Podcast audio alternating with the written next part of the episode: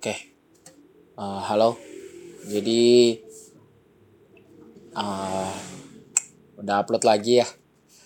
Sebenarnya sebenarnya agak rancu sih, agak rancu kalau kalau gue upload cepet-cepet tuh agak agak aneh juga karena basically uh, podcast ini tuh dibuat karena apa ya ya ada beban lah di kepala gue yang harus gue keluarin jadi semakin sering frekuensi gue upload tuh berarti semakin stres kehidupan gue ah tapi ya biarlah ini jadi jejak digital ya.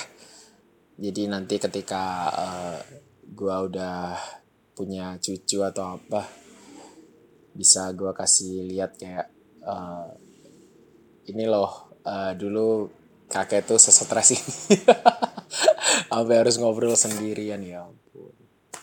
Um, ya. Uh, beberapa hari ini uh, orang-orang tuh lagi heboh soal kejadian ya bukan kejadian ya apa?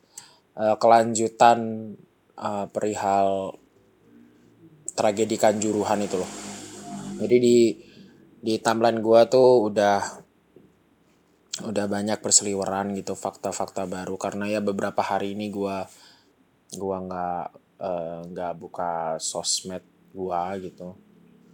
Jadi ada banyak fakta-fakta baru yang mungkin ya udah kelewat sih kalau gua gua bilang apa kayak fresh gitu ya ya udah kelewat lah. Jadi uh, kemarin di Stadion Kanjuruhan itu ada temuan gitu. Katanya dari kepolisian tuh ada temuan 42 botol miras yang masih segel ditempatin dalam dus gitu kan. Nah itu diduga dari kepolisian tuh itu miras yang jadi pemicu apa pemicu penonton sampai turun lah gitu.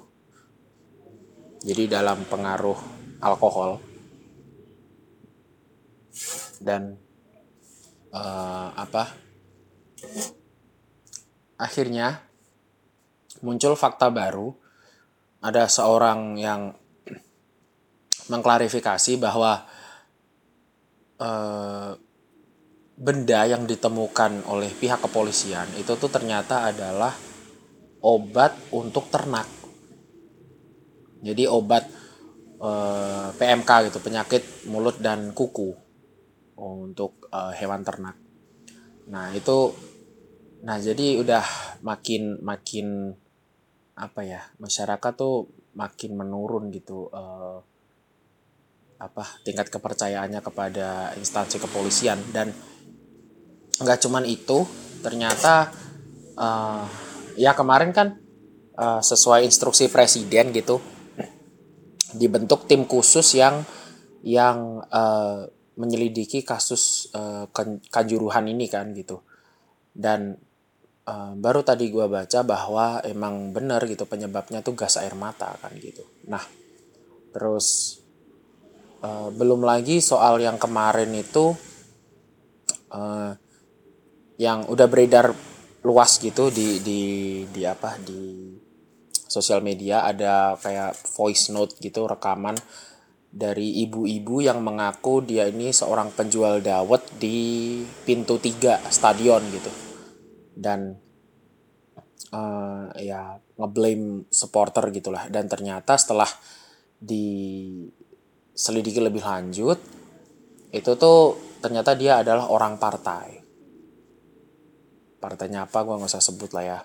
Uh, yang jelas itu tuh Terus kemudian ada fakta lagi bahwa uh, ternyata setelah setelah kejadian itu terungkap, rumah si si ibu-ibu yang yang ternyata udah nyebarin hoax itu udah nyebarin hoax itu tuh dijaga oleh pihak kepolisian kan gitu. Ya gua nggak tahu itu untuk kepentingan penyelidikan atau apa yang jelas dijaga kepolisian. Maksud gua ketika itu sampai dijaga kepolisian tuh ap, apa gitu maksud masa duit duit pajak gua tuh larinya ke ke orang-orang yang yang nyebarin campaign untuk untuk memecah belah gitu yang jadi buzzer kayak gitu gitu tuh kenapa gitu?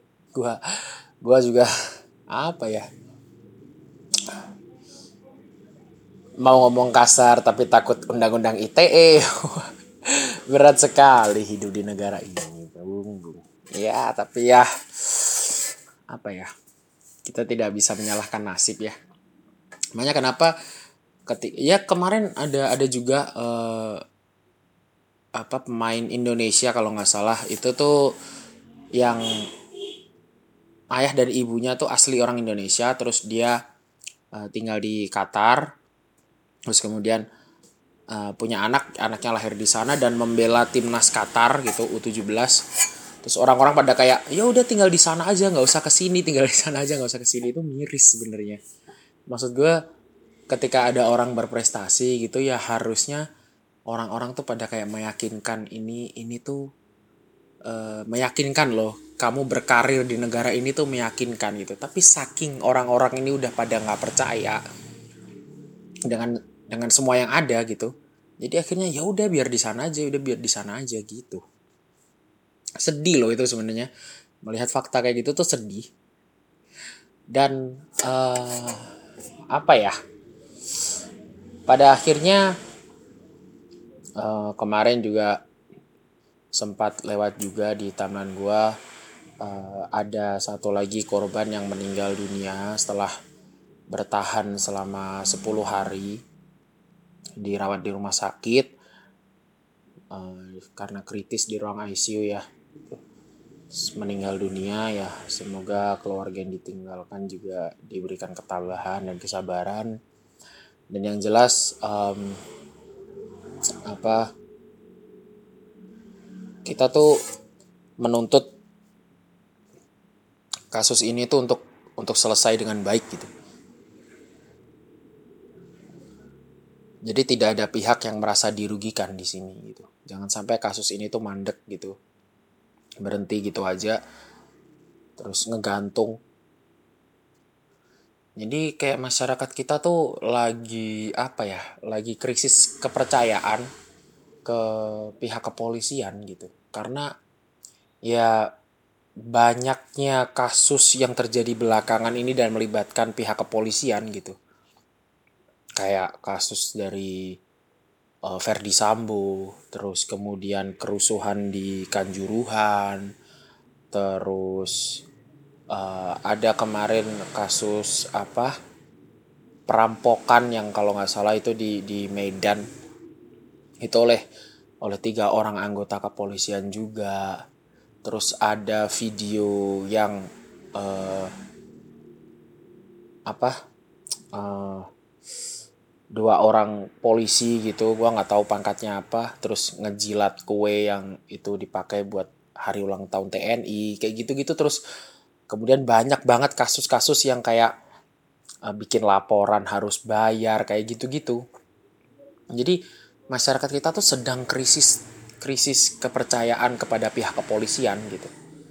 Dan uh, akhirnya uh, dari presiden sendiri memanggil uh, para pejabat Polri gitu untuk datang ke istana negara tanpa tongkat komando tanpa HP tanpa ajudan. Jadi kayak ya ya udah biasa aja gitu.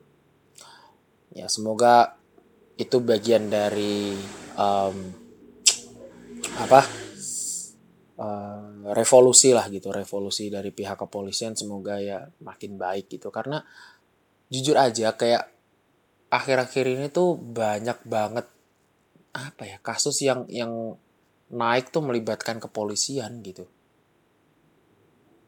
Banyak banget bahkan kemarin apa uh, yang yang kemarin itu uh, sampai pencopotan uh, pencopotan bukan pencopotan ya pem, ya mutasi lah gitu mutasi dari Kapolda Jawa Timur. Terus hari ini ada berita yang mengatakan bahwa pengganti dari Kapolda Jawa Timur itu terkena kasus narkoba. Wah itu gila sih. Itu gila banget. Dan uh, ya, ya gimana gitu masyarakat kenapa masih masih harus mempercayai itu kayak kayak kita tuh butuh alasan yang bener-bener bagus gitu apalagi kayak ya ampun. Banyak banget orang-orang yang komen kayak uh, tabrakan justru dimintain biaya terus motornya hilang pas ketemu disuruh nebus kayak gitu-gitu. Jadi bener-bener kayak wah gue gak bisa berkata-kata sih. Ya semoga ke depannya tuh ada ada ada uh, harapan lah untuk lebih baik gitu.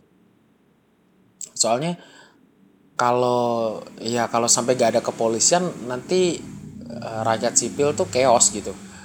Tapi kepolisiannya begitu. Aduh. Oh ya balik lagi ke tadi kanjuruhan ya.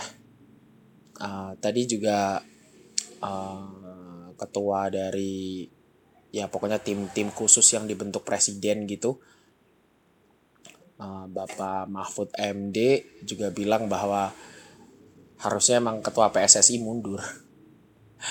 Tapi ya nggak bisa lagi-lagi karena sudah ada edaran dari dari P, uh, eh, PSSI bahwa PSSI itu dibebaskan dari seluruh tanggung jawab yang yang ada gitu jika nanti terselenggara sebuah pertandingan terus terjadi sesuatu tuh PSSI itu dibebaskan dari itu semua. Jadi ya ya ya mau gimana perjanjiannya udah kayak gitu jadi ya, ya. udah lah kayak gitu aja um, semoga ada titik terang lah kasus ini tuh kayak kasihan gitu rakyat dibuat dibuat sampai yang kayak gini sampai yang nggak bisa percaya lagi gitu. Kasihan rakyat tuh karena yang harusnya dekat dengan sipil kan ya kepolisian gitu. Karena dari TNI sendiri kan lebih kepada apa ya um, untuk perang gitu ya kasarnya tuh. Ya kalau yang dekat dengan rakyat sipil ya kan harusnya kepolisian gitu. Tapi ya semoga semuanya selesai dengan baik lah. Oke. okay. Uh, dah gitu aja. See you on the next episode. Bye bye